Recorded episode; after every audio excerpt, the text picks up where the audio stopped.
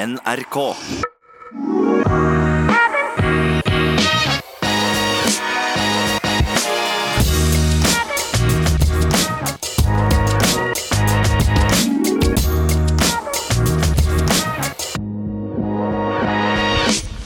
Velkommen til en ny episode av I det lange løp. Hyggelig at du hører på. I dag skal vi treffe Ragnhild Kvarberg, og det er litt av ei dame.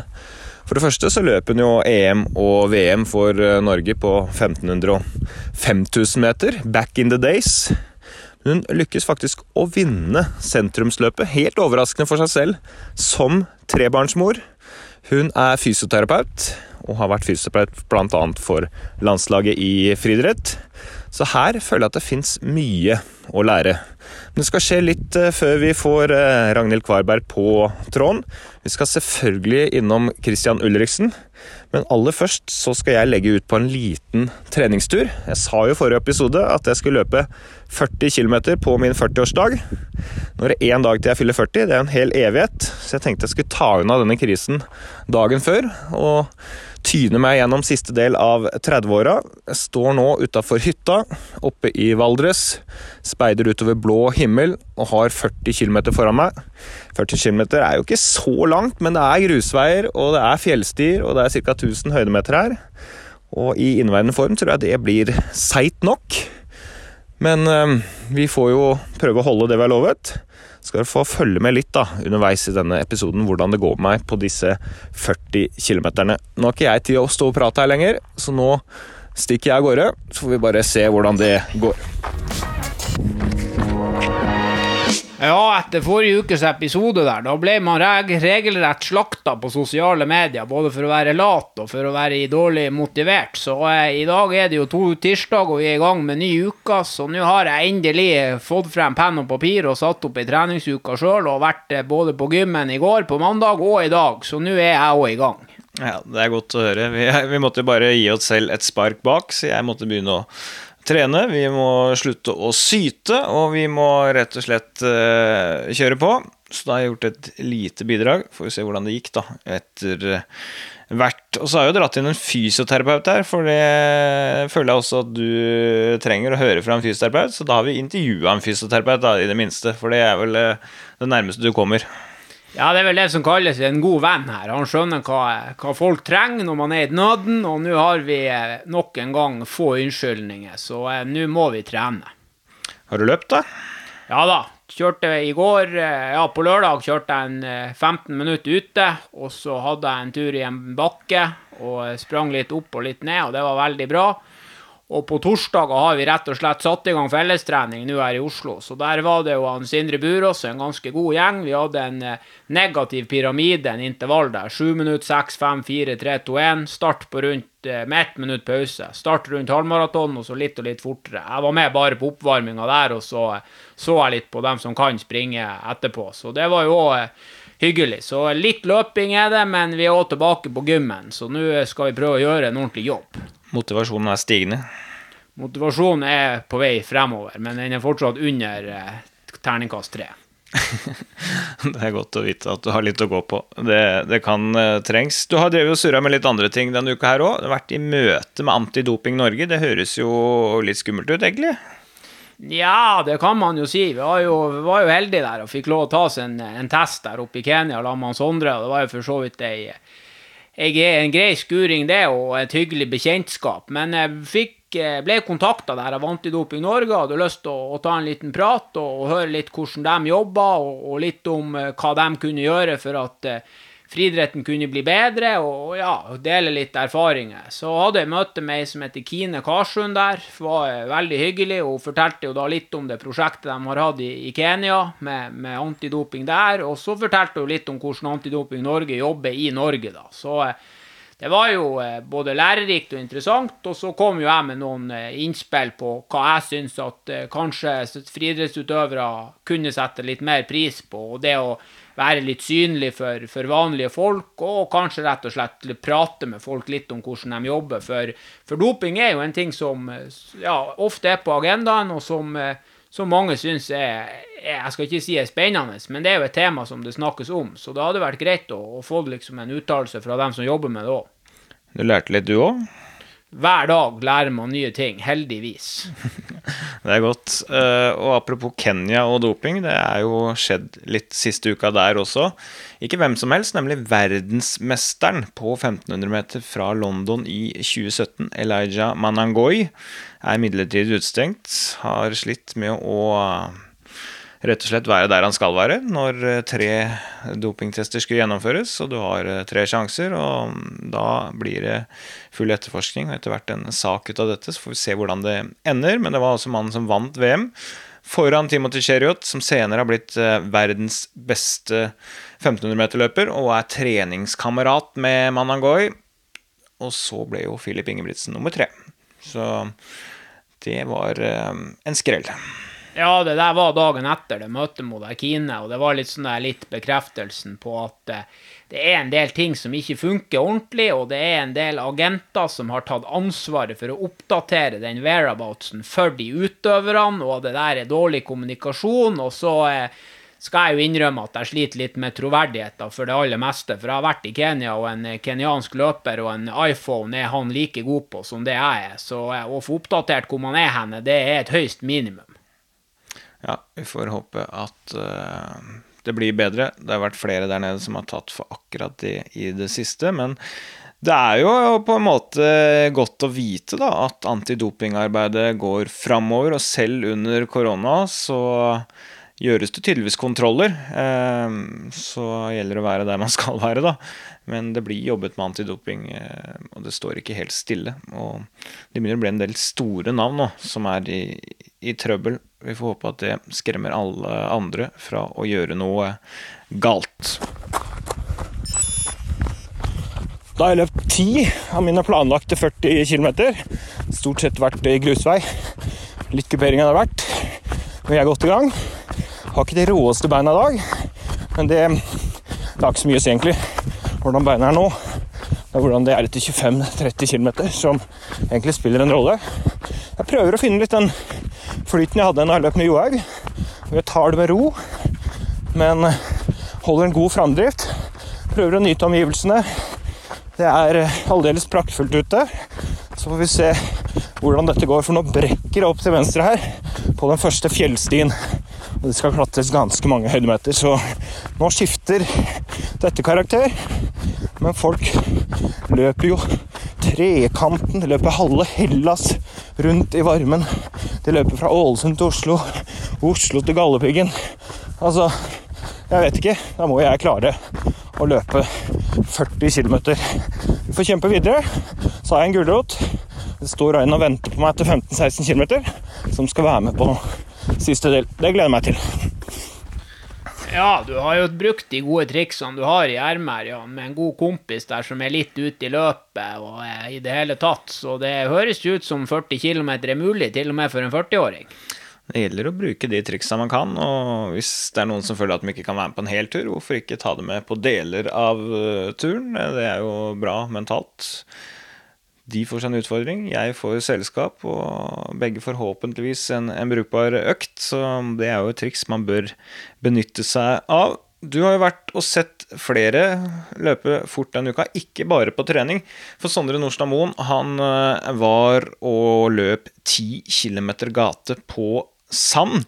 Det gikk sannelig unna, det. 28-13, vesentlig bedre enn han gjorde på gate i, i, Bergen for bare noen uker siden. Og det er ikke mange som har løpt fortere på 10 km gate i Norge.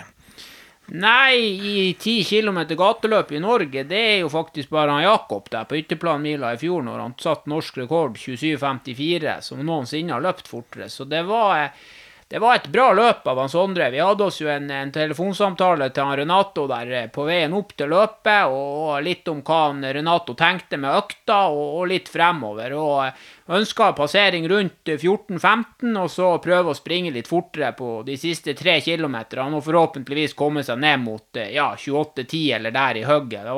Renato var veldig opptatt av gjennomføringa. Sondre har jo hatt en par tikilometer, det har gått saktere på slutten enn i starten. og det er jo ikke det man ønsker. Så eh, Jeg tror han var brukbart fornøyd. Han hadde med seg han Sigurd Skjeseth der som har i fem kilometer. Det var jo òg hyggelig, så eh, han brukte et triks han Sondre òg der. Fikk med seg en kompis som kunne være med så lenge han klarte, og så måtte han gjøre resten sjøl.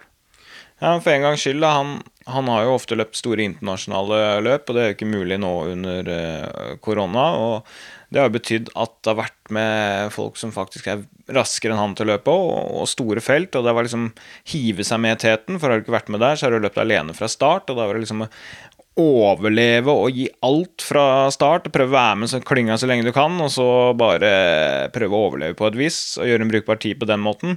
Nå er jo ting på hans premisser. Det er han som styrer og steller, og så får han kanskje en litt mer positiv opplevelse ved å løpe fortere på slutten. For han gjorde jo 13.57, var det vel, siste halvdel, og løp vesentlig fortere der. Så kanskje gir det en, en bra treningseffekt, og kanskje er det bra mentalt. Ja da, jeg tror de var godt fornøyd. Og, og det er klart, når han Sondre begynner å springe halvmaratoner der det passeres på under 28 blank første 10 km, så skjønner vi at det ofte blir tungt mot slutten. Og det er jo det som er utfordringa. Så får vi se litt fremover. At han at han kan ha enda bedre halvmaratonresultat inne hvis han får et løp etter sitt nivå. Det er jeg ganske sikker på. Så får vi se når det eventuelt dukker opp. Ja, så er det europarekorden på én timesløp i Kristiansand i starten av august som er neste oppgave. Så får vi se hva han og trener Renato Canova klarer å fikse sammen av trening, og, og hvilken form han kommer i der. Ja, det er jo Europarekorder Europarekord er jo ikke hver dag man får satt. Og hvis man skal ha noe annet etter endt friidrettskarriere enn tynnslitte joggesko og noen medaljer, hvis man skal ha litt penger på kontoen også, så er man nødt til å bruke sånne der anledninger til å ta noen rekorder. For da er det også litt lønn å hente. Bra disponert av Sondre Nordstad Moen på 10 km, men også bra disponert av en langrennsløper. Ja, jeg sa det. Vi må rose en langrennsløper for god disponering. Ikke hvem som helst heller. Han har VM-medalje individuelt. Han er verdensmester i stafett. Anders Glørsen, nå tannlegesstudent. Tidligere topplangrennsløper, Feide inn på 31,30, og det var et eh, meget godt disponert løp. Ja, han Glørsen han er jo definitivt en av dem som ikke har vært lammet Kallesen. Han har holdt på for seg sjøl, og han har skjønt viktigheten av å disponere. Og han springer jo, jeg tror det var omtrent 100% altså det løpet fra hans del òg. Og det er jo godt å se at skiløpere, bare de legger godviljen til, kan få til ordentlig disponerte løp. For da blir som regel sluttresultatet også best. Ja, han var veldig god til å disponere også når han gikk eh, på topp i, i langrenn, så han har tydeligvis tatt med seg det til eh, løpeverden. Det, det var uh, bra. Da har jeg kjempa meg opp på turens høyeste topp. 1296 meter over havet, Nystølsvarden. Må innrømme at vi Vi lever ikke helt opp til Rodal standard. Vi måtte gå litt i motbakken opp her. Altså. Det var bratt, selv om han sverger til aldri å gjøre det. Så jeg har fått med en kar òg. Fredrik sto og venta på 15,1 km. Deilig å komme i gang. Det er brutalt med de første tre kilometerne rett opp, i hvert fall. Litt feigt å stå over oppvarminga? Ja, men vi måtte jo ha litt ekstra support til deg og litt ekstra saft i sekken. Det er sant. Nå er vi på 18 km. Da er det 22 igjen. På tide å koble inn hjemlengselen og komme seg hjemover. Kan allerede si nå at det blir halvseigt. Men nå ser vi da fra toppen her Vi ser Jotunheimen. Vi ser eh, bort mot Hemsedal. Um, Skogshorn. Ruver der borte. Jeg ser faktisk eh, helt ned mot Gaustatoppen. Så god sikt er her oppe. Vi skal ikke klage på en fin dag. Det er så vidt det blåser. Og foran oss ligger nydelige fjellstier som vi ser kilometer av. Så vi får bare begi oss videre. So far, so good. Ja, Gaustatoppen, sist gang jeg var der, det var etter Norseman. Det var så dårlig vær at heisen røyk, så da måtte jeg gå ned. Så at du har truffet en god dag her, det skal være helt sikkert. ja, så ble det bare med utsikten til Gaustatoppen for, eh, for meg, men det er jo fint å legge langturer til godt vær og i, skal vi si, motiverende omgivelser. Ikke bare banke flat asfalt på steder man har vært før og være opptatt av kilometertid. Det er litt sånn befriende, iallfall i starten av en oppkjøring mot maraton, hvor eh, det å løpe i det og det tempoet ikke er det viktigste, men at man kanskje får litt tid på beina, så vil jeg anbefale en, en sånn type tur.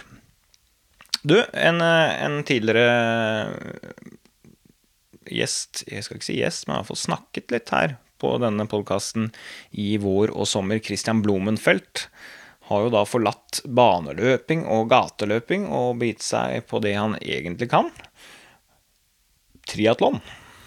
Ja, han Blommenfelt har jo uttalt mål om å vinne OL-gull, og da er det jo i triatlon. Så eh, å vinne OL-gull i løping, det skal jeg ikke si er, er, umulig, men, for man vet aldri med han der gutten. Men der er det i hvert fall langt opp. Men i triatlon, der er han nært. Og der nede i Østerrike nå på en liten treningsleir og heiv seg med på et østerriksk mesterskap. og der henta han rett og slett hjem pokalen, så han er fortsatt i god form, han Blommenfelt.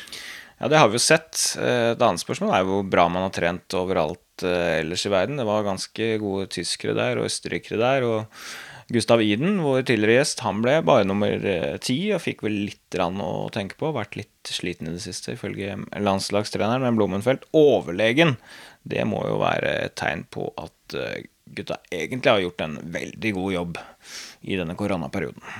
Ja, det målene som å løpe 28-20 der for å ta den kretsrekorden på 10 000 meter, var jo i litt i overkant ambisiøst. Men at han Blommenfelt er i god form, og at han får betalt for eh, mye god trening, det er jo ingenting annet enn godt å se. Så har det skjedd ting på skofronten. Vi diskuterte så vidt i forrige episode at folk var eh, frustrerte, for de visste ikke hvilke skomodeller man kunne løpe med. Det som var presentert som nytt etter 30. april.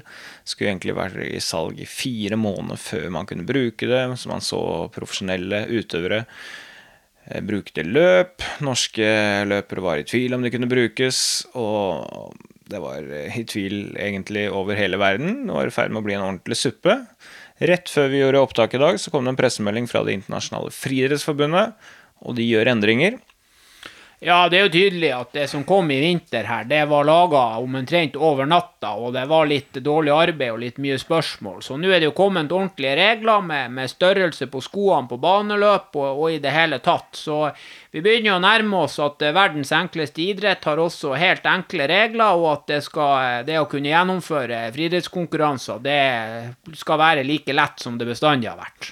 Iallfall er regelen om at dette må være i salg i fire måneder for nye sko som har kommet ut på markedet nå, den er borte. Så da kan man benytte seg av alle sko som, som blir presentert, så lenge de er godkjent av det internasjonale friidrettsforbundet. Så det betyr at uh, disse nye superpigg-skoene som vi har begynt å se, er tillatt, både i sprint og og på distanse, så det blir iallfall fjerna. Men jeg føler at Det internasjonale friidrettsforbundet bare kjøper seg tid der, for det er en sånn mellomfase til over OL neste år. Og så skal de komme med mer presist regelverk.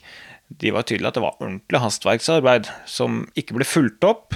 Ingen uh, kjørte kontroller. Og det var noen regler på papiret som ikke ble fulgt, og så har man havna i trøbbel, og så er endt da med en sånn mellomfase over OL her. Så det blir nok mer snakk om sko det kommende året.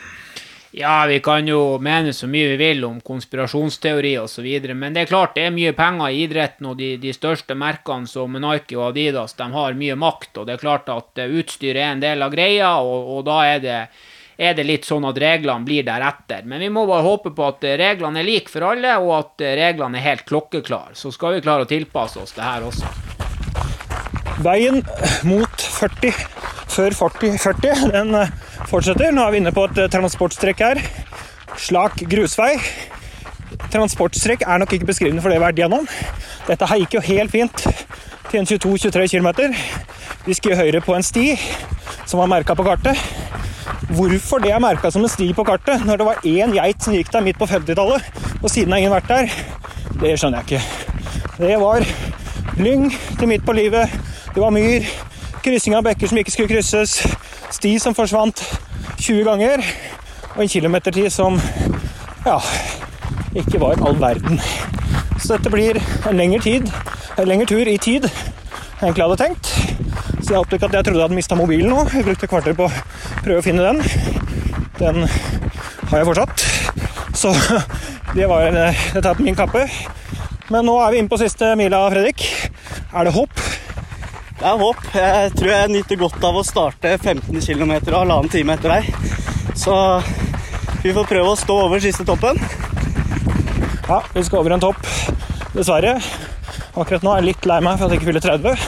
Jeg kunne gitt meg nå. Vi skal klare en mil til. Det må til. Og så er vi inne på kjente trakter, så da finner vi iallfall fram. Det er ordentlig stier. Da er det håp.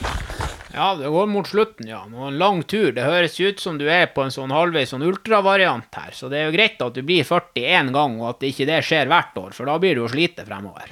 Ja, burde kanskje løpt flere langturer siste halvåret, men eh, ja, jeg hørte vel på stemmen at det begynte å bli litt mer eh, prega her. Flat eh, grus akkurat der, og det føltes ikke så flatt. Så. Men vi får se hvordan det går. Nå skal vi over til dagens hovedgjest, Ragnhild Kvarberg. Hun var på sitt beste kanskje litt før du virkelig begynte å følge med i norsk løping. Ja, jeg hadde jo noen hold der, der det absolutt eneste jeg brydde meg om, var Premier League og, eh, og fotballbanen. Så det var, eh, det var egentlig en av dem som prega i norsk friidrett før min tid. Men jeg har jo eh, sett henne i ettertid, og jeg fikk jo med meg at hun vant sentrumsløpet der. Og jeg har jo på en måte lest litt om henne, så helt ukjent er hun jo ikke den dag i dag.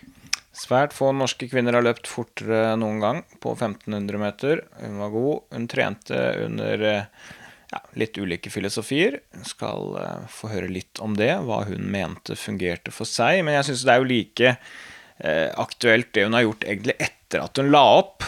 For hun har jo blitt eh, mor én, to og tre ganger, men det har ikke hindret henne i å, å trene. Men det er ikke sånn type toppidrettsutøvertrening. Hun trener når hun kan og gjør det beste ut av det, og, og det har gjort at hun vant bl.a. sentrumsløpet som eh, ja, trebarnsmor. Og det er jo ikke helt vanlig. Løp ned på 34, og det er jo ikke den flateste tieren i, i, i landet heller. Og litt overraskende for seg selv med ja, litt sånn tidspress rundt, rundt trening. Så jeg er veldig nysgjerrig på å kanskje plukke opp noen tips. Jeg, da. Ja, du har jo bare to unger, så du må jo ha litt bedre tid enn Kvarberg. Men det er utrolig hva som går an å få til på løping hvis man har en liten plan og man får gjort et stykke arbeid. Om det er tre eller fire eller to ganger i uka, så må det jo de få gangene man får trent, så må det jo trenes ordentlig. Men det viser jo at det går an å springe fort for mange, uavhengig av hvor dårlig tid man har.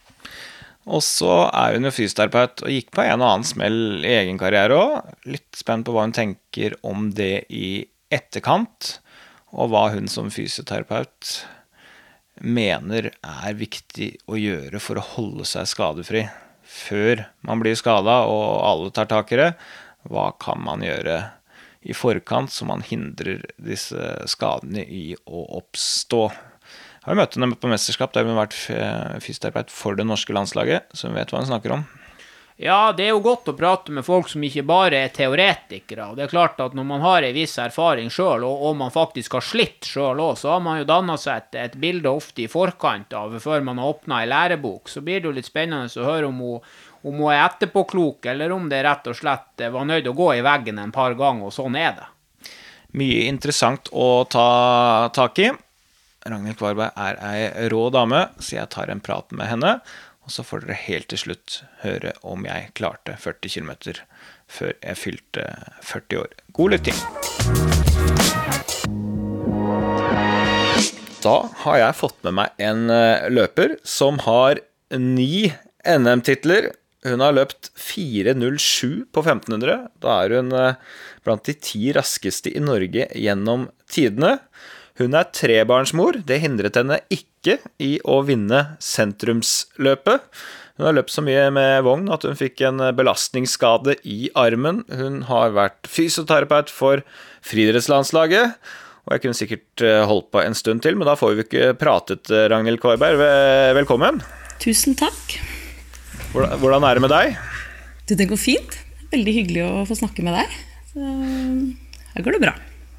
Det må jo ha vært travle tider. Eh, tre barn, eh, litt korona og diverse denne våren. Eh, har du hodet over vann?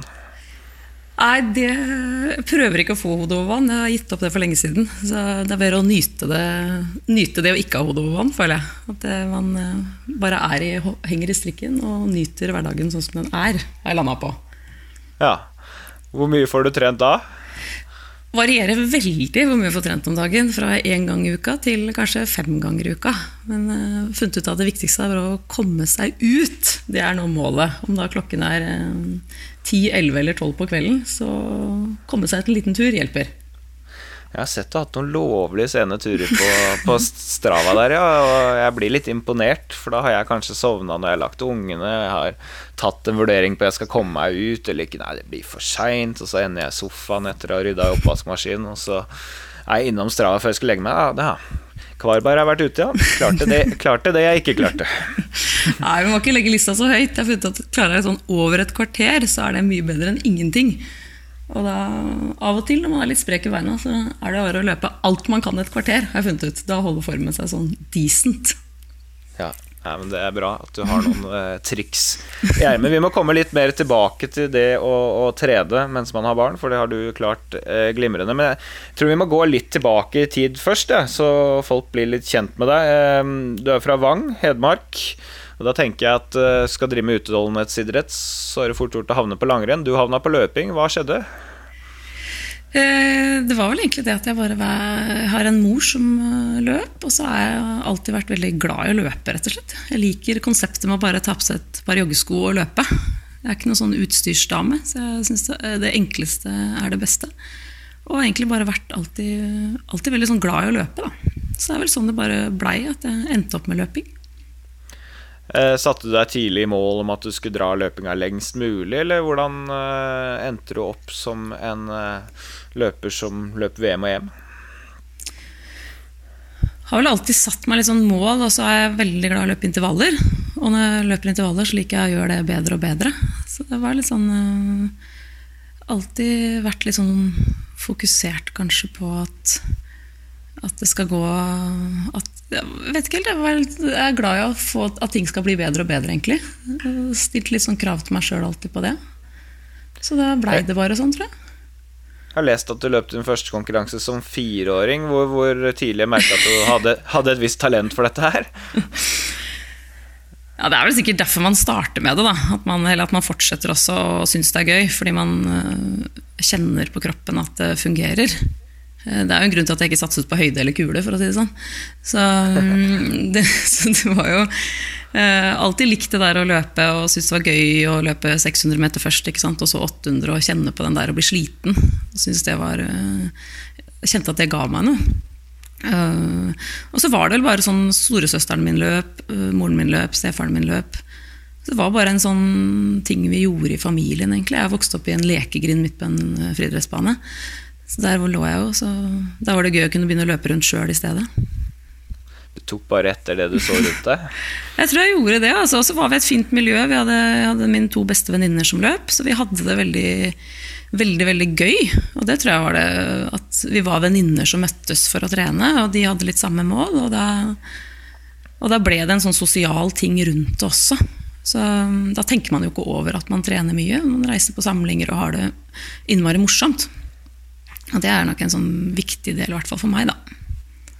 Ja, og det ga suksess at du hadde det morsomt på trening. For uh, du løp fort på 800, 2.03,55 i 2006. Du løp 4.07,14 da i uh, samme året. Det var uh, fire dager før, vel.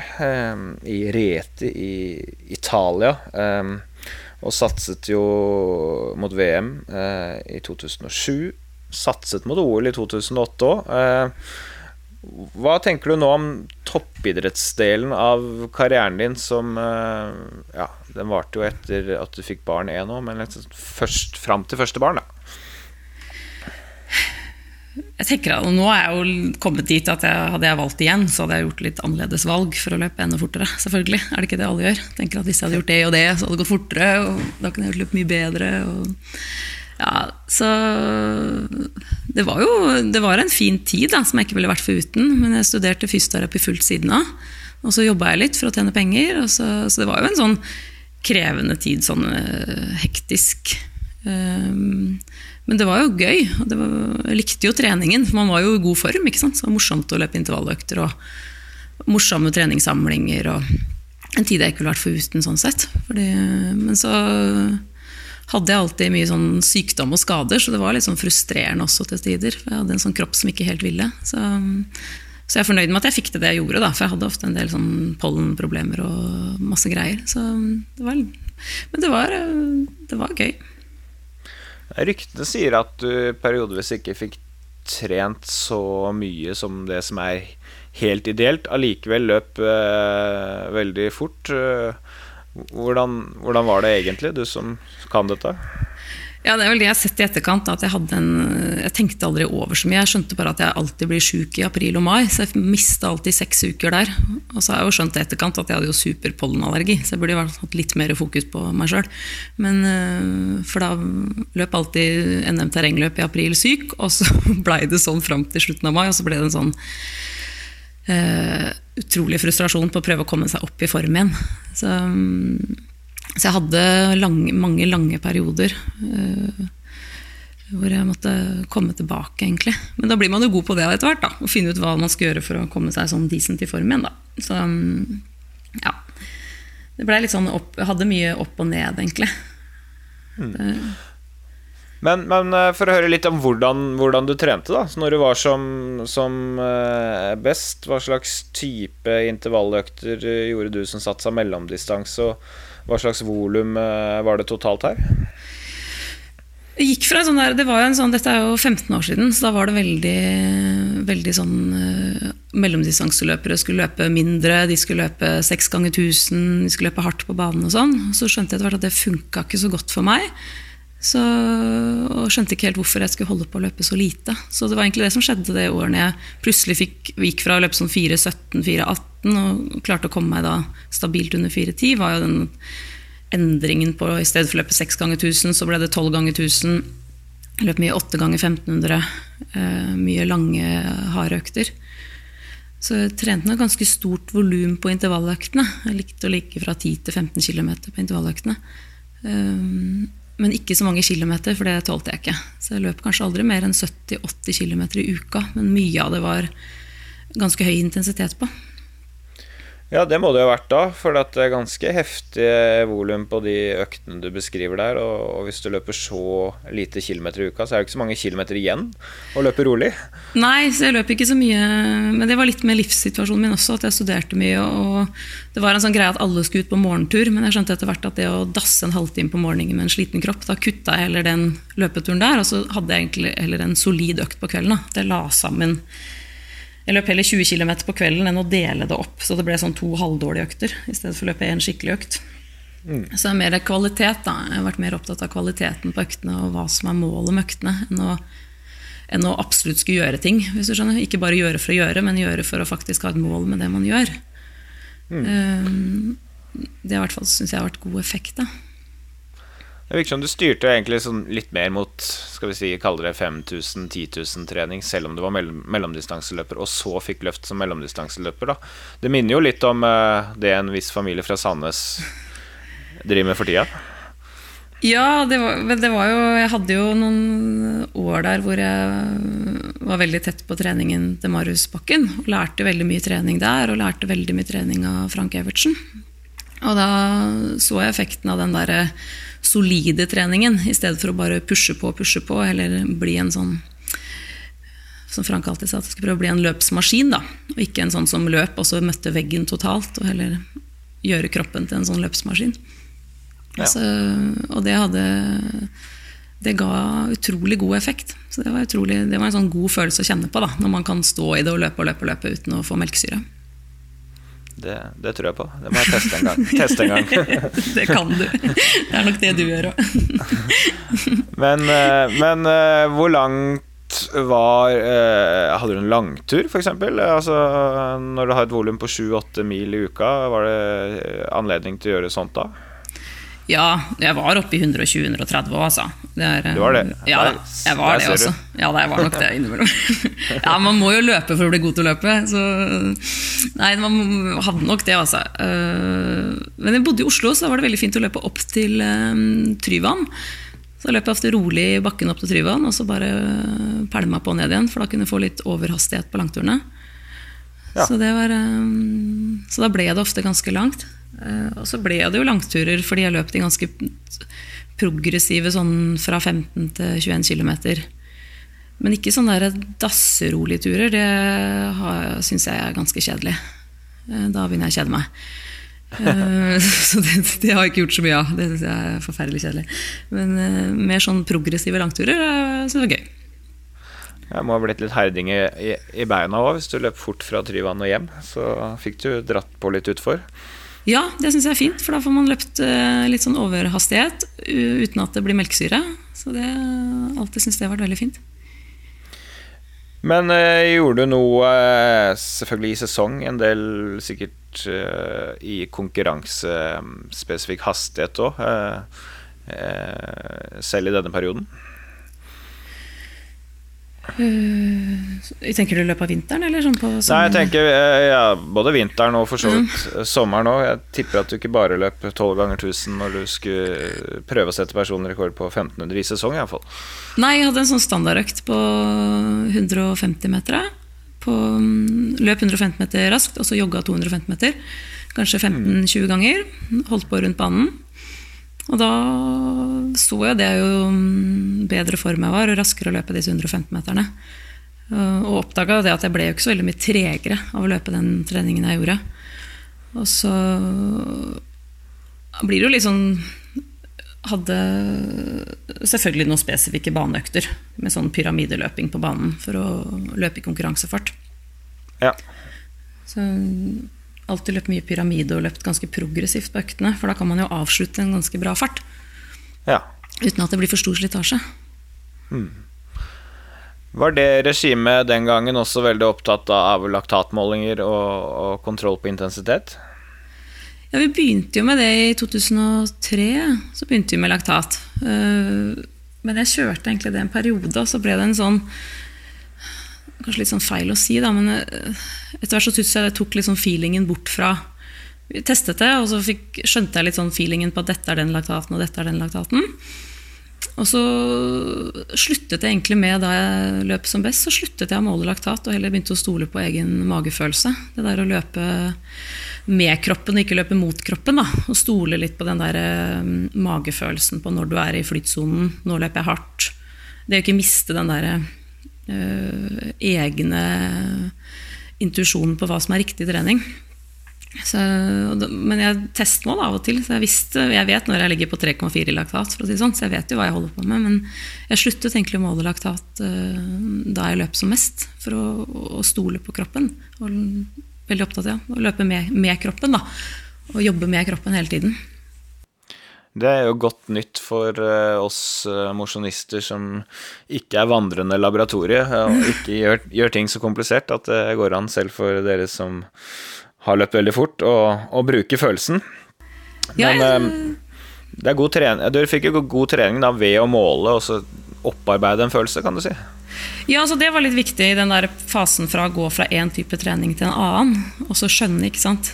For da, ofte så trener man jo det jeg tror jeg er ganske standard, at man kjører ganske hardt. ikke sant? Du skal kjøre hardt på intervaller. Og det å heller lære seg til å, å, å, å um, stå i det litt mer sånn Dette føles riktig fart, og ikke sånn, sånn krampeløping. For det, det er jo ikke så veldig effektivt. Så, så jeg tror det er viktig å få en sånn indikasjon på hva som er det var viktig å få en indikasjon på om dette føles riktig, og dette, ikke sant? Få litt mer bilde på det. Men så er det godt, syns jeg. Jeg synes fall jeg har godt å bare gå ut og løpe økter eller løpe økter på mølla hvor det ikke er så mye fokus på puls og laktat. Og jeg syns det tok bort litt sånn fokus fra hvordan jeg egentlig følte meg. Da. Ja. ja det, er, det er spennende. Du, du sa i, i stad at du ville gjort ting litt annerledes hvis du kunne gå tilbake. Er det uh, ting treningsmessig du tenker på? Ja, jeg tror jeg ville vært øh, mye tøffere på styrketrening. Jeg tror det hadde gjort meg som en, til en bedre løper. Jeg har trent mye mer styrke de siste årene, men sånn tørt og trent mer tung styrketrening. Øh, Og blitt sterkere i kroppen. Det ville jeg virkelig gjort annerledes. Og så ville jeg tørt Jeg turte aldri å løpe 5 og 10 000 da jeg satsa. Jeg fikk liksom høre at jeg bare var en mellomdistanseløper. At det var det jeg var. Eh, og det er litt sånn etterkant, for jeg løp en 10 km etter at jeg hadde fått Sara på 33, og da fikk jeg sånn søren at jeg ikke gjorde dette her da jeg virkelig Den gangen jeg trente. Så det var litt sånn Æsj! Det var dumt. Det er klart at når du løper, løper mila på 33 når du ikke trener, så kunne det gått fort når du trente. Ja. Så det var litt sånn pokker at jeg ikke turte det. At jeg ikke turte å Så, så det var litt dumt. Og stilte opp i litt mer konkurranser og sånn gateløp og sånn. Da jeg satsa. Det skulle jeg ønske jeg hadde turt da. Og hadde, ja, hadde jeg turt å løpe litt lenger. Men jeg turte på en måte nesten aldri å løpe lenger enn 1500. Så det var litt dumt, da. Så det ville jeg gjort annerledes.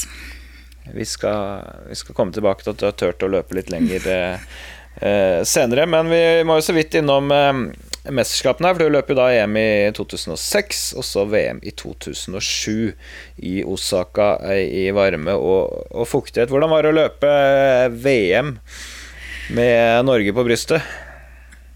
Du, det var litt tveget, for jeg ble, litt sånn, eh, jeg ble sjuk. Så jeg løp NM to uker før med feber, så jeg sovna på oppvarming. Vi hadde så høy feber. Eh, og så allikevel valgte å stille i NM. Så det var jo sånn typisk valg man tar når man er ung og dum. Uh, så, så jeg lå da og sov og holdt på å miste den der siste, siste å komme inn på banen. Så, mm, så jeg måtte utsette VM-reisen min pga. sykdom. Så det var litt sånn eh, Det var litt kjipt, altså. For det hadde jeg virkelig gleda meg til. Og det var jo et stort mål å komme til VM. Så det var ikke noe sånn ideelt da jeg kom bort dit. Men i etterkant så er det kult å tenke på at jeg klarte å komme til VM. Vi var syv stykker som, var, som kom til VM det året i friidrett.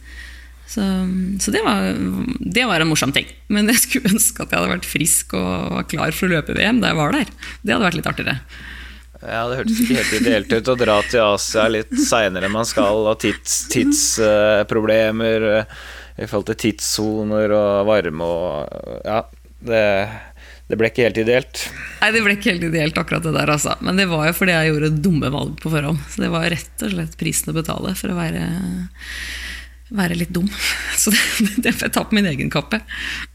Ja, Så da sier vi det til yngre utøvere, at hvis dere har feber og er så dårlig at dere sovner på oppvarming, ikke still til start. Ja, jeg tror det kan være en grei regel å følge, altså. Selv om man har veldig lyst til å delta og ikke hater å kaste inn håndkle. Det er liksom ikke noe jeg liker. Men nei, det var dumt. Det var dumt. Så, sånn er det. Men så skulle du da selvfølgelig satse mot OL eh, året etter. Eh, Jeg husker ikke så mye av dette her, men da ender du opp som skadet på et eller annet vis. Ja, det var også en litt sånn Jeg er nok ikke noe sånn Jeg trenger folk rundt meg til å planlegge litt. For jeg er litt sånn Oi, det var gøy, og så blir jeg med på det. Så da var jeg litt skada, og så fikk jeg veldig lyst til å løpe halvmaraton. Det var en sånn innfall jeg fikk. For det hadde jeg aldri gjort før. Så tenkte jeg shit, kanskje jeg skal bare prøve det, for det var mange som skulle gjøre det. Så da løp jeg halvmaraton, og så lå jeg rett på treningssamling og løp 350 km på ti dager. Og det tåler jeg jo heller ikke. Oi. Så jeg var rett og slett helt eh, idiot. Og da må man jo betale for det. Så det, det var rett og slett skikkelig dårlig planlagt. Og, og fikk betennelse i alle ledd. Så da den sommeren det ble OL, så ble jeg heller um, gravid. Så da ble det ikke noe OL, men barn. Ja, men det er hyggelig, det òg. Ja, det var hyggelig, det òg. Veldig hyggelig. Uh, så, sånn endte OL-drømmen. Du var jo på nivå året før. Uh, trente rett og slett for mye på for kort tid. Ja. Så det var um, Man blir litt ivrig og glemmer å ha is i magen. Glemmer å stoppe når man kjenner at kroppen er sliten. Stopper ikke når man kjenner at man begynner å få vondt. Når man bare halter seg ned til frokost, klarer ikke å gå ut på butikken neste gang, og så tar på seg joggeskoene og, og løper seg en tur. Så er det jo helt idiotisk. Da, da må man skylde på seg sjøl etterpå. At man blir skada. Nå, nå er det fysioterapeuten som snakker, hører jeg. det, Kommer tordentalen mot Ja. sitt unge jeg. det, det hjelper ikke å skylde på noen andre enn seg sjøl, da. Da har man vært eh, ja, stor nok til å ta egne avgjørelser når man er 26 år. Så det var eh, min egen skyld. Sånn kan det gå. Ja. Men gravid ble du, eh, barn ble du, og, og ble det. Og jeg har lest en gammel sak i din lokalavis Østlendingen om at du overhodet ikke tenkte på noe karriere etter at du fikk barn. Det hadde du ikke tenkt et sekund på, ifølge dette intervjuet i Østlendingen. Eh, Allikevel så løp jo du EM i 2010 på 5000 meter, så her må det ha skjedd noe på veien. Ja, det skjedde noe på veien. altså. Det var veldig rart. Jeg kastet skoene mine, kastet treningstøyet mitt og ble gravid og tenkte at nå gidder jeg ikke å løpe mer. Nå er jeg ferdig med det. Og så var det et, eh, nesten et år hvor jeg ikke bevega på kroppen min. Og så ringte Knut Jæger Hansen meg og lurte på om jeg kanskje skulle bare begynne å bevege på kroppen min igjen, sånn i oktober. Og da måtte jeg løpe fem minutter, gå fem minutter, løpe fem minutter. Jeg ok, dette går jo ikke bra. Men så klarte han på et eller annet vis å motivere meg til å løpe litt igjen. Da. Så da ble det EM-året etterpå. Så det, det var veldig ja, så det Nå var- hoppa, nå hoppa du litt her i altså, løp. Altså, du har ikke løpt på et halvt år, eller hva det er, og så, og, og så løper du fem minutter og går fem minutter. Det er jo sånn som vi vanlige dødelige kan relatere oss til.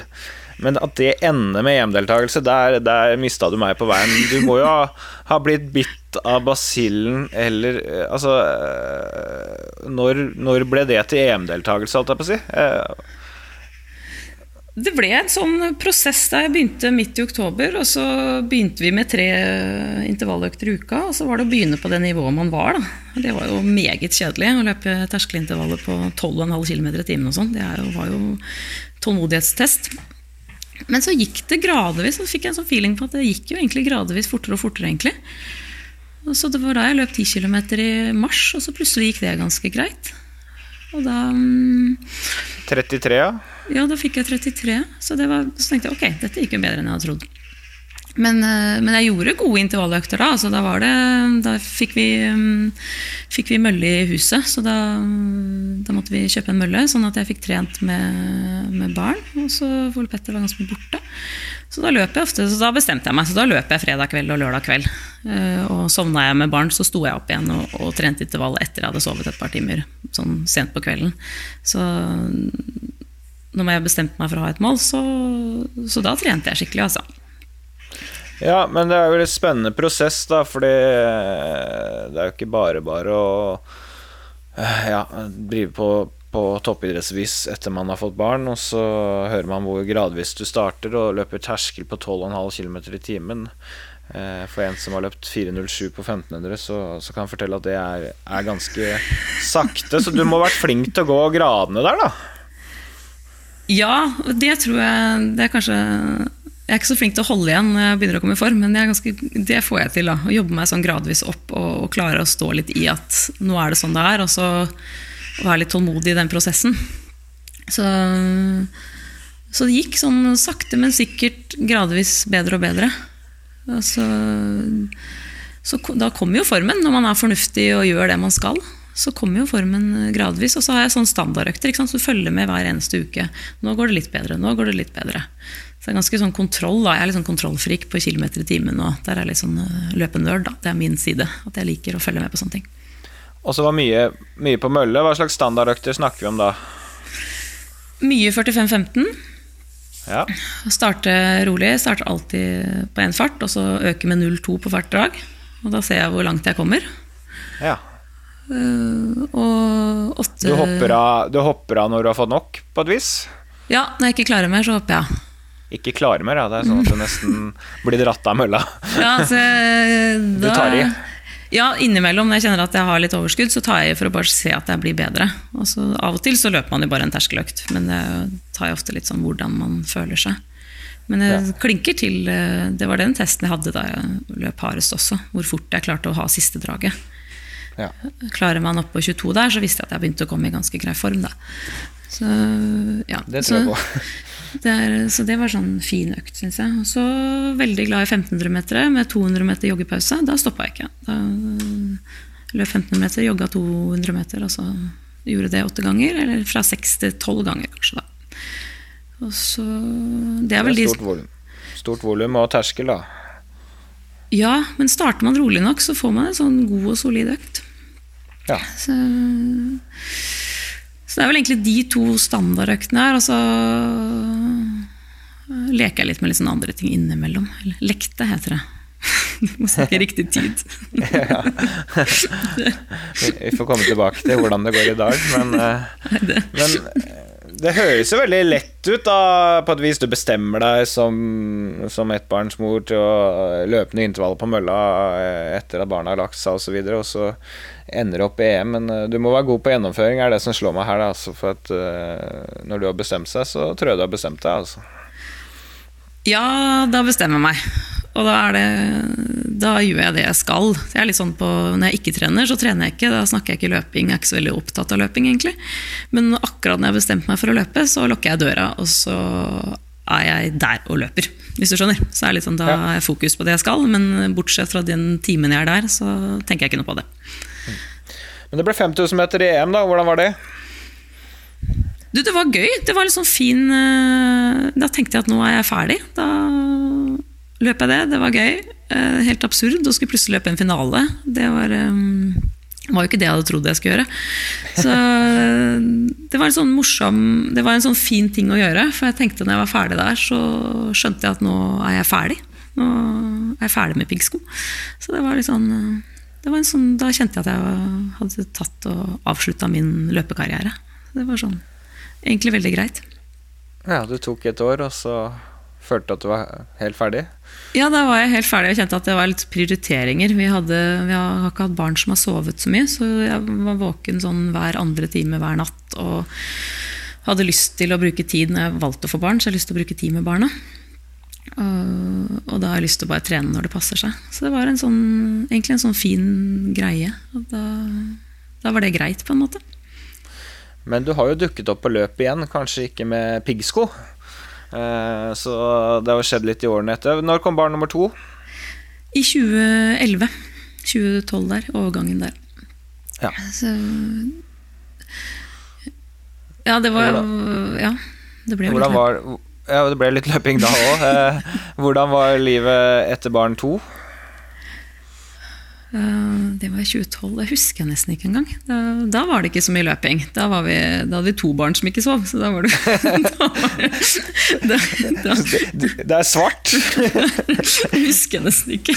Det var ganske intenst. Og så Nei, det var, da var det ikke så mye løping. Da, var det, da, da prøvde jeg litt sånn barselgruppe og prøvde å oppføre meg litt sånn normalt. da. Tenkte at det var det riktige å gjøre når man har fått barn, å gå i sånne barselgrupper. Og, gå turer og sånn. Og så fant jeg Jo, der fant jeg to venninner som jeg løp lange langturer med. Det var det jeg gjorde da. Etter 20 barn nummer to. Da løp vi masse lange, rolige turer. Ja. Så jeg gjorde jo det, faktisk, når du sier det. Herregud, jeg glemte det. Så da var vi ute og løp halvannen-to timer hver dag, da, faktisk, med vogn. Se her, jeg løp da. Ja, ok. Det er kanskje der jeg ender opp. Mm.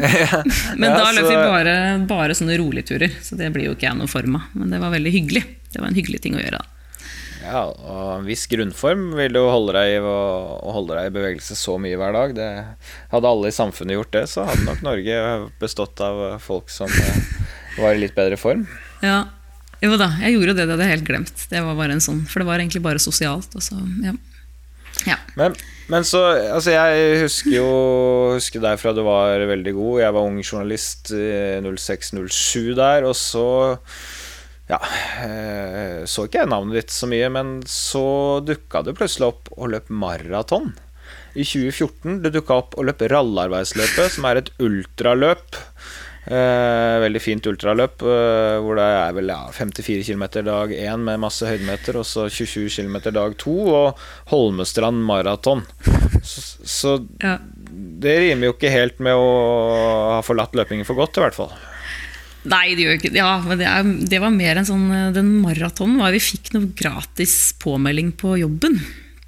Og så var det sånn, ja det hadde kanskje vært litt gøy. Og så endrer det seg litt. ikke sant? Før så trente man for å konkurrere bra, og så til slutt så skjønner man at hvis jeg konkurrerer, så får jeg en bra økt. Så nå konkurrerer jeg heller for å få trent. Det er liksom forskjellen, føler jeg. Ja. Fra å være satsende til å bli mosjonist.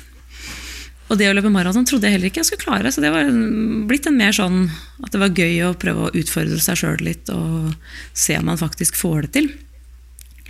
Så det var en sånn innfall på en lørdag, egentlig, som var eh, gøy å være med på. Det er ganske hardt innfall. Eh, Hvordan var det å, å løpe maraton, og hvor godt forberedt var du, vil du si?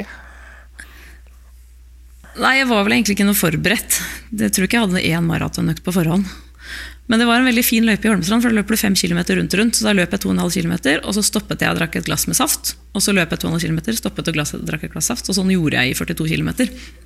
Så det var nok det som redda meg, da, at jeg løp egentlig bare intervaller rundt og rundt. og rundt. Så jeg tror ikke jeg hadde klart å løpe sammenhengende 42 km. Men så må jo løse det på sin måte. Du lagde en oppskrift som du takla mentalt. Ja. Så det var, øh, det var gøy. Det var gøy å få til. Ja, Maratonintervallene i Holmestrand endte på 2,55, så da kan dere kjenne litt på den, folkens. Det, eh, Ragnhild Kvarberg er ikke som alle oss andre. Det gikk eh, unna, det også. Og ja, man kan jo tenke på deg hva du hadde klart hvis du virkelig hadde gjort dette her når du uh, trente. Uh, kan hende du hadde løpt fort på lengre distanser òg. Det hadde vært uh, spennende å se. Men ultraløp, da, det er jo heller ikke noe sånn småbarnsmødre som mener at løping er et tilbakelagt stadium, driver med. Hvordan kom du på det? Ja, Det var også sånn innfall, for søsteren min skulle melde seg på. Og så tenkte jeg at det hørtes veldig fint ut. Og så Runar Gilleberg hadde snakket så varmt om dette ralloveisløpet. Og så har jeg skjønt at det å gå på fjelltur med barn det var, ikke sånn, åh, det var så vanskelig å få til. Så hvis jeg tenkte hvis jeg melder meg på det, så får jeg en fjelltur. Da får jeg en tur på fjellet. Så da tok vi med barna på tog til Finse, og så Og så fikk jeg løpt. Så det var jo bonus. Det er jo luksus å få løpt. Så det var, det var, kjempefint. Bortsett fra at jeg stoppet i Drammen og kjøpte meg lette løpssko, for jeg ante jo ikke hva jeg gikk til. Så jeg stod og kjøpte nye lette løpssko, så jeg hadde jo gnagsår etter to kilometer nedi Flåm der. Så det var jo fryktelig klønete, da. Så jeg er ikke så god på sånn planlegging, er ikke helt min sterkeste side. Men uh, det var utrolig fint. Og det, og det er jo morsomt, syns jeg, å gjøre sånne ting som er langt utenfor komfortsonen, som man ikke aner om man klarer å få til. Uh, det er gøy. 80 km med gnagsår da, over to dager. Ja, det var litt dumt, så det ga litt sånn, det har satt sine spor. Så jeg måtte jo operere akillesen etter hvert, fordi den, den, fikk, den, ble ganske betent av det greiene der. Men det er jo ja, det er kanskje sånn prisen å betale da, når man ikke forbereder seg og har lyst til å bare gjøre ting uten å tenke. Og bare gjøre ting for gøy. Det flotte er jo at vi lærer mye av deg nå. Eh, dette bør man jo unngå. Eh, man kan jo, kan jeg si da, hvis man er kjent med en skomodell, så kan man ta ganske nye sko hvis man ikke har trøbbel med den skomodellen, og, og løpe maraton eller sånn på ja, tilnærmet helt nye sko. Jeg ville løpt én kort tur bare for å sjekke at skoene er i i orden, eh, rett og slett. Det ikke er noe produksjonsfeil med, med skoene likevel. Og så løpt. Men hvis man går på en helt ny skomodell, det hadde ikke jeg turt å gjøre på maraton. Så det er en liten advarsel for oss, skal vi si det sånn. Ja, vi kan si det sånn. Ikke veldig lurt. Og skal du løpe ultraløp og er ikke redd for det, ikke kjøp letteste løpsskoen de har. Det er også ikke kjempelurt. Men eh, ja, Så i den grad jeg kan eh, lære bort noe, så er det fint i min egen tomskap. Så ja, så det er fint. Men uh, 1500-stjernen fikk seg iallfall et ultraløp og fikk smakt litt på, på det. Uh, det var gøy. Og så, så, ble det etter hvert tid for barn igjen. da Barn nummer tre. Det må ha vært i 15. eller 16., da. 16 kom Petter. Mm. Ja. Mm. Og da skulle man jo tro at du har to barn som ikke har sovet så mye, du har vært med på et annet sprell, at nå ble det i hvert fall ikke lettere å få trent. Og toppidrettskarrieren var jo stadig lengre tilbake i tid, så det, litt, det blir verre og verre å flyte på gammel form òg. Ja, det gjør jo det. det. Farten er vel for så vidt blitt borte, tror jeg. Ja. Men, og, igjen, eh, og, igjen, så var det ikke sånn at du, du trente beinhardt gjennom en hel graviditet, etter det jeg har lest. Nei, jeg er ikke så veldig glad i Men det er nok litt sånn forskjell. Der er kanskje ikke jeg sånn standard løpejente. Jeg syns det var deilig å være gravid, og så prioriterte jeg kreftene mine på å jobbe fullt og være med barna på ettermiddagene. Og liker å kose meg. og, og gikk da opp 25-30 kilo da jeg var gravid. Og jeg syns det var deilig å ha litt sånn avslappende tid. Så jeg er nok ikke noe sånn, har ikke så mye hysteriske tanker rundt å måtte holde seg i form. Nei, akkurat det der, det der, høres jo helt vanlig ut, det du sier nå. Eh, det er sikkert flere gravide som kjenner seg igjen i det. Det som er uvanlig her, er at du vinner sentrumsløpet i, i 2017, og det er eh, et år etterpå. Eh, og da løper du på 34 og, og vinner altså senior kvinner som trebarnsmor. Og det rimer jo ikke heller med å være gravid, føde året før, gått opp 25-30 kilo. Eh, og ha to barn som ikke sov så mye fra før, få et tredje Altså hva skjedde her, da? Det var sånn deilig Jeg var hjemme i permisjon. Så man har jo tid på dagtid når man er hjemme med barn. Eh, og så gikk jeg og tusla litt, sånn som man skal gjøre når man har eh, akkurat fått barn. Og så tusla jeg inn til byen og så tenkte jeg jeg skal gå og shoppe litt. Og så tok jeg bussen hjem. Og så på sånn halvveis på bussturen hjem etter da tror jeg Petter var tre måneder Dette, dette livet her gidder jeg ikke. Det synes jeg er utrolig kjedelig. Dette er siste gangen jeg er hjemme i permisjon. Så trykket jeg på den der stoppknappen på bussen, gikk av i olabukse og bagvogn og bare løp hjem. Så tenkte jeg nå skal jeg bare kose meg. Eh, og da begynte jeg å løpe med vogn. Og bare nøt dagene og hadde Det var liksom min tid på dagen hvor Petter kunne sove et par timer i vogna, og så løp jeg. Så da løp jeg ekstremt mye med vogn det året. Året der. Var det da du endte opp med en belastningsskade i albuen? Gjorde det, altså, men det var litt med den vogna. Jeg gadd ikke kjøpe nye ting til barn nummer tre. Så den vogna er sånn, litt sånn skjev. så sånn. Og den er ikke helt sånn ideell for løping heller. Men så gadd jeg ikke å kjøpe noe nytt. Så jeg løp måtte holde den igjen for at den ikke skulle skje noe til høyre hele tiden. Så da ble, det en, da ble det en liten belastningsskade i skulderen og, og albuen. Men det, ja, det går fint å løpe med det. Det var ikke noe stress. Shit, det er, jo- det er jo en litt uvan, uvanlig løpeskade, kan vi Ja, si. det var litt uvanlig løpeskade. Det gikk fint. Men- men første da var olabukse på vei hjem fra, fra bussen, men hvordan bygde du opp treninga da? Nei, det var egentlig bare å starte med rolige løpeturer, og så begynte jeg helt forsiktig med sånn Jeg har sånn, noen sånne standardrunder. Det er veldig fint å løpe her vi bor, så jeg løp liksom kysten bort, og så fikk jeg litt sånn lengre og lengre løperunder. Løp helt rolig, og så etter hvert så fikk jeg litt lyst til å løpe intervaller. Så da løp litt sånn seksminuttersdrag med vogn og sånne ting. For de har sånne gode asfaltstrekker, så det ikke humper noe for barnet, da, selvfølgelig. Og så det ble litt sånne intervalløkter, og så starta jeg litt å løpe på mølla igjen. Jeg fikk litt smaken på det å løpe på mølla. Så da løp jeg, løp jeg egentlig alle intervalløktene på mølla, og så løp jeg rolig med vogn. Ja. Så går vi inn i vinteren eh, 16-17, da, og da, eh, ut fra et gammelt intervju jeg har lest med deg i, i Kondis, så løp du nesten bare intervaller. Ja, for da ble det jo snø, så det var litt sånn klønete å løpe med denne vogna. Og så løpe rolig langturer, det syns jeg er så dørgende kjedelig. Så, mm, og så var det så vanskelig å få det til sånn logikkmessig, så da løp jeg egentlig bare intervaller på mølla. Men hva, hva var det som drev deg da? Hadde du sett deg ut et mål, eller drev du bare for å komme i form, eller? Det var liksom for å komme i form igjen, altså, så jeg var fort egentlig klarte å løpe på disse intervallene. Og så, og så hadde jeg lyst til å løpe sentrumsløpet, for det turte jeg aldri da jeg satsa egentlig var i form. Og syntes alltid det virka som et utrolig fint løp.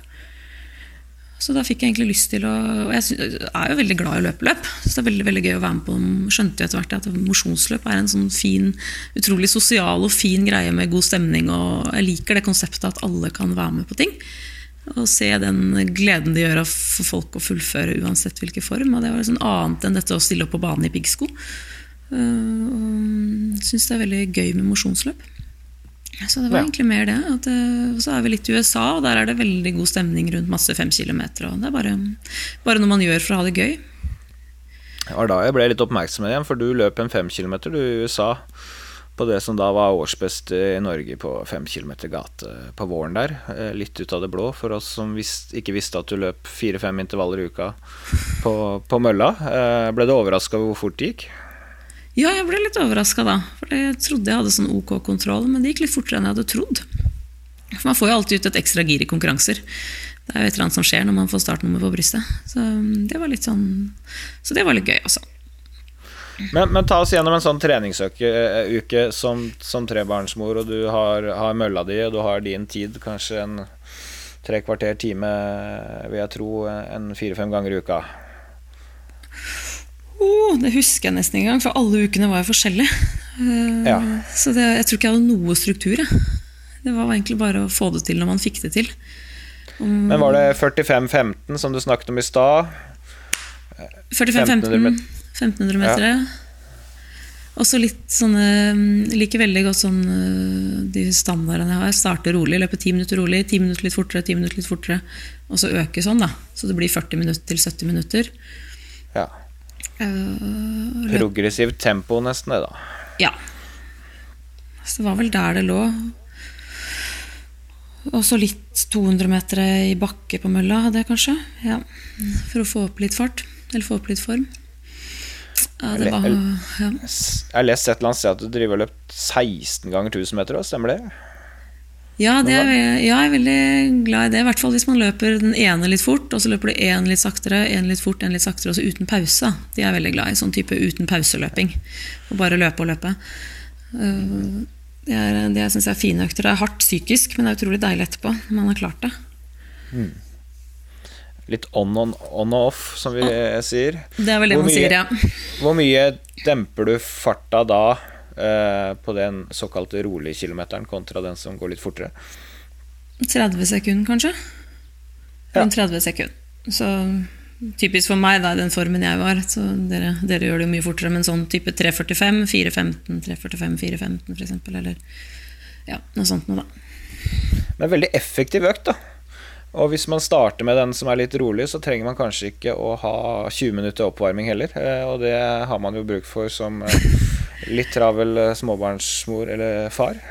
Kjenner noen av dem òg? Ja, du gjør jo det. Så det er jo det er kanskje sånn man ser etter hvert. da, At den der oppvarming og tøying og sånn til slutt så, Nå varmer jeg ikke opp lenger når jeg løper hardt, men i, da jeg, i 2016 så pleide jeg å varme opp sånn fire-fem minutter. Hvor man løper, ja, jogger i fire-fem minutter, og så må man bare gjøre intervallen. Og så er det jo ikke noe nedjogg eller noe sånt, for det har man jo ikke tid til. Uh, hva sier fysioterapeuten til dette? Nei, hun snakker jeg ikke så mye, mye med akkurat da om dette her. Dette skal bare bli gjort. Dette skal bare bli gjort. Det er bedre å få gjort noe enn ikke få gjort noe. Og ting er jo aldri helt ideelt. Det er jo det som er forskjellen. Er jo, man er jo alltid enten akkurat stappmett, eller så er man litt sulten, eller så har man ikke sovet, eller så burde man sovet, eller så burde man jo varmet opp lenger, eller burde jogget ned, eller Men jeg tror skal man være opptatt av masse sånne ting, da, så får man ikke gjort noe. Så kan ikke vente på den helt ideelle utgangspunktet, tror jeg. For da blir det fryktelig vanskelig å få trent. Så jeg tror ikke, jeg tror ikke man må sette kravene så høyt lenger. Det viktigste er å få trent, ikke Ja, bare få gjort noe, da. Ja. Men jeg kjenner meg igjen med det der eh, med oppvarming òg, men det, det, fordrer jo, har jeg erfart fart Begynner å bli eh, gammel, vet du. Ett år eldre enn deg og greier. Og, og hvis det er noen kjenninger av akilles eller legger, så, så hender det at kroppen vil ha litt mer oppvarming, mens huet på en måte ikke har tid. Så vi må gjøre noen kompromisser, kroppen og hodet mitt innimellom.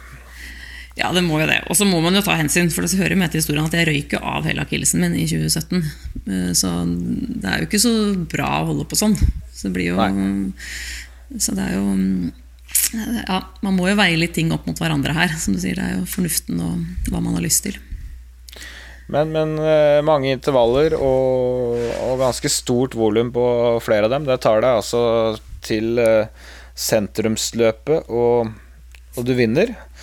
Kjenner jeg deg rett, iallfall ut fra det praten vi har hatt nå, så hadde du kanskje ikke som mål om å vinne sentrumsløpet når du sto på startstreken der heller? Nei, det var veldig overraskende. Det var veldig, veldig overraskende. Og da Så det var um, Nei, det var skikkelig Det var morsomt. For det er, sånn, uh, det er sjelden jeg er litt sånn fornøyd etterpå, men da var jeg litt fornøyd etterpå. Så jeg blir sjelden fornøyd med det jeg presterer sjøl. Så det var gøy. Og det var, uh, jeg klarte å ryke akillesen min på oppvarming der. Så den halvparten var jeg av, så det var så vanvittig vondt å løpe. Så da var jeg fornøyd med å komme i mål også, egentlig.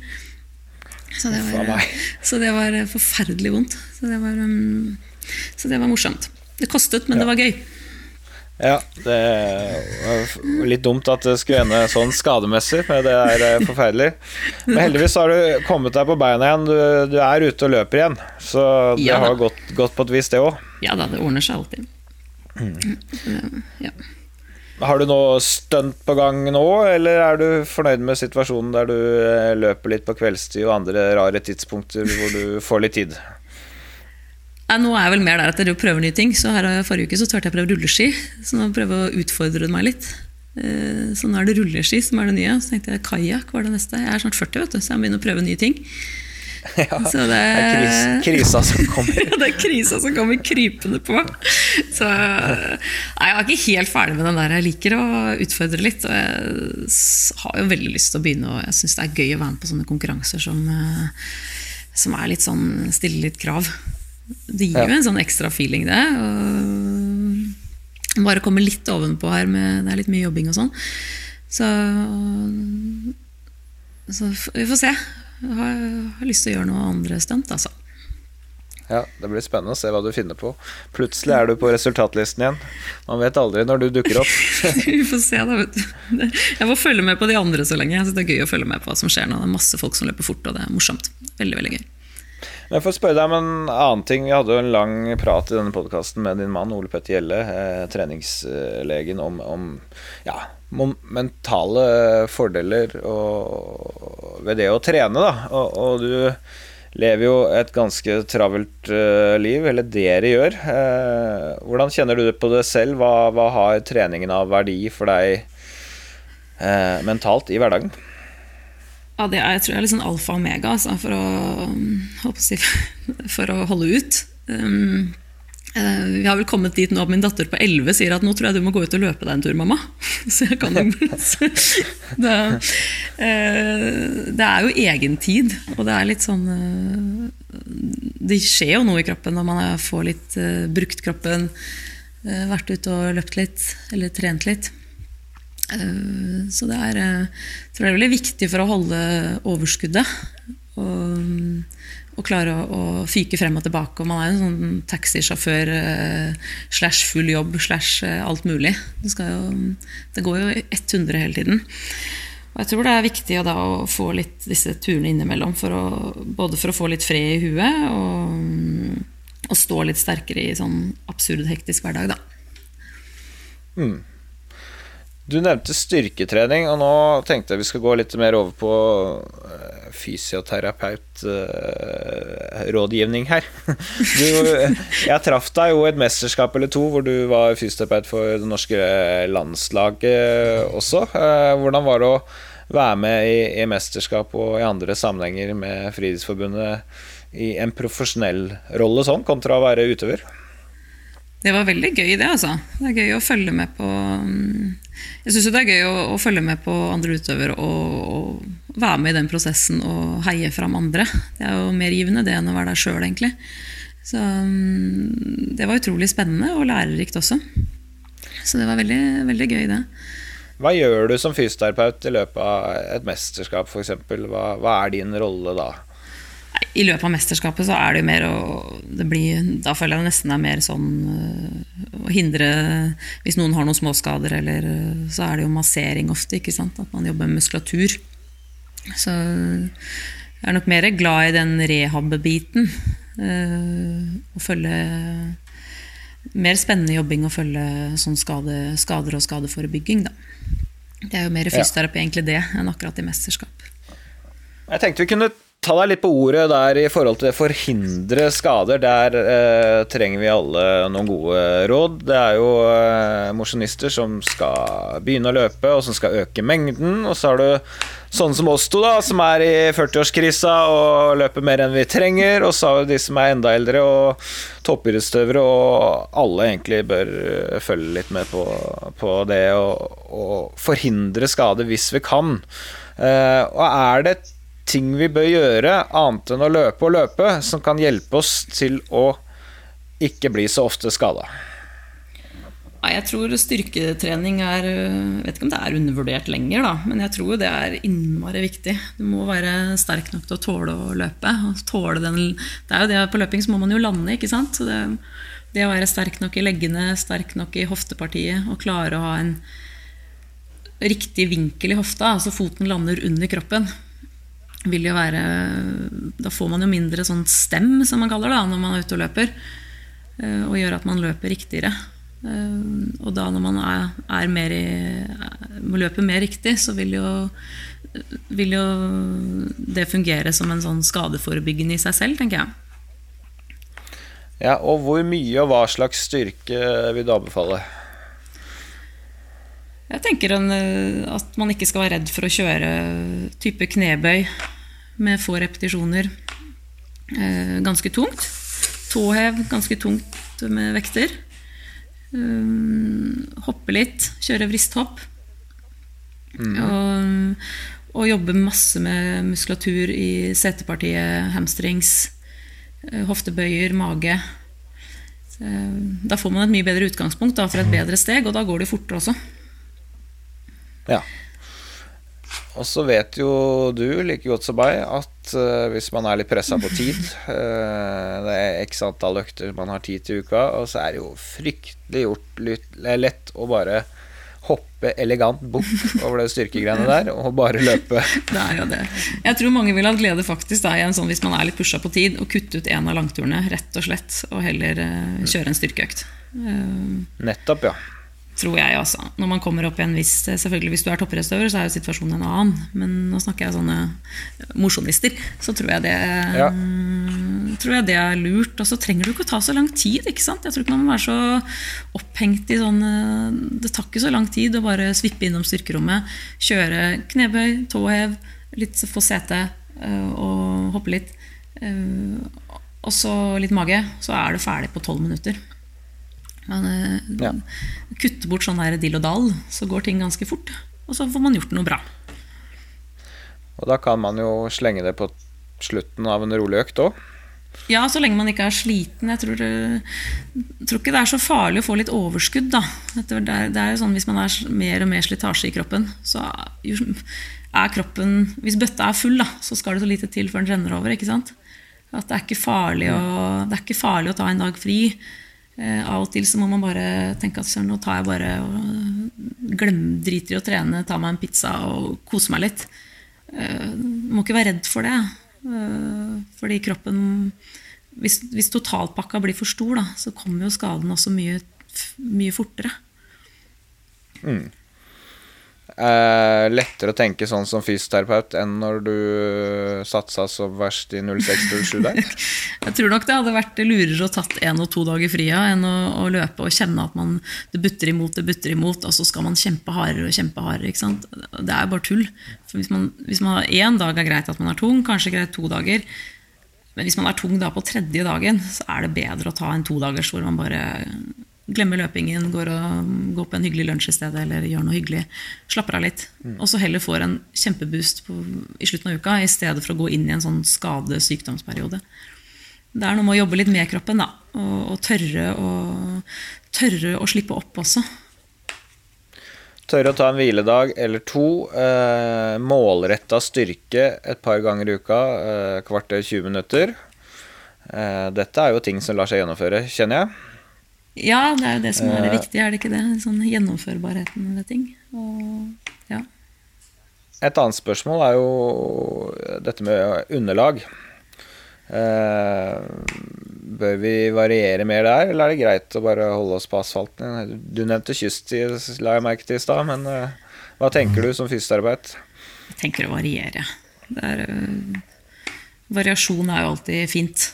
Og, mm, og så må man gjøre det man får til. Det er jo noe med det også. Men det er nok fint innimellom å løpe litt på sti og få litt, uh, få litt sånn bevegelse i kroppen. øh, Og,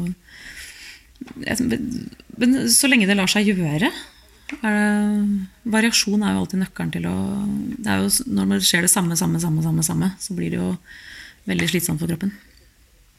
Men det er jo ikke farlig å ta noen turer på asfalt heller. Er Bare, Nei, nei. så, men kanskje ikke bare asfalt, da. Kanskje. Det, hvis man Ja. får til noe annet, så er det litt lurt tror jeg, å variere litt skotøy og sånne ting også. Ja. Nei, jeg skal prøve å ta til meg dette her. En hviledag innimellom. Det får jeg til for tiden, eh, og motivasjonen ikke er all verden, så det går bra. Den der styrken har jeg vært flink med innimellom. Jeg merker jo da at kroppen er bedre. Jeg føler meg helere på et vis. Eh, føler kanskje at jeg mekanisk fungerer litt bedre. Jeg har mindre småvondter Ja. når jeg gjør det, men så er det så utrolig lett å dette ut av det. Ja, det er det. Og du vet jo at når man ikke tar knebøy på tre-fire uker, så bare gruer man seg til å gå på igjen, for man blir så støl, og så ryker neste økt, og så røk det denne uka, og så blir det enda verre neste uke. Altså, Ja. Man må jo bare begynne, gjøre det, ferdig. Ja, det er litt det, altså. Sette at da gjør jeg det. Og da bare gjør det det. Man kan ikke, jeg tror det, Har man bestemt seg for det, så ikke tenke om det passer eller ikke passer. Eller just do it. Ja, ja. Ja. Og jeg tror det er viktig, som du Ja, sier, jeg tror man løper uh, Med en gang man løp, blir sterkere, i hvert fall i hoftene og setet og sånn, så er det, løper man mer riktig. Da får du en bedre følelse på øktene også. Og jeg tror ikke dette blir mindre viktig med alderen. Nei. Det er min Nei. erfaring akkurat Og nå. det er litt senere og sånn som trenger å styrkes opp litt. Så det, ja. det er viktig. Nei, men det, det er gode råd vi skal ta med oss. Det var eh, artig å ha deg med, Ragnhild. Jeg håper at du finner på et eller annet kult stunt i framtida òg. Ja, du, takk for det. Det er gøy å følge med på dere òg.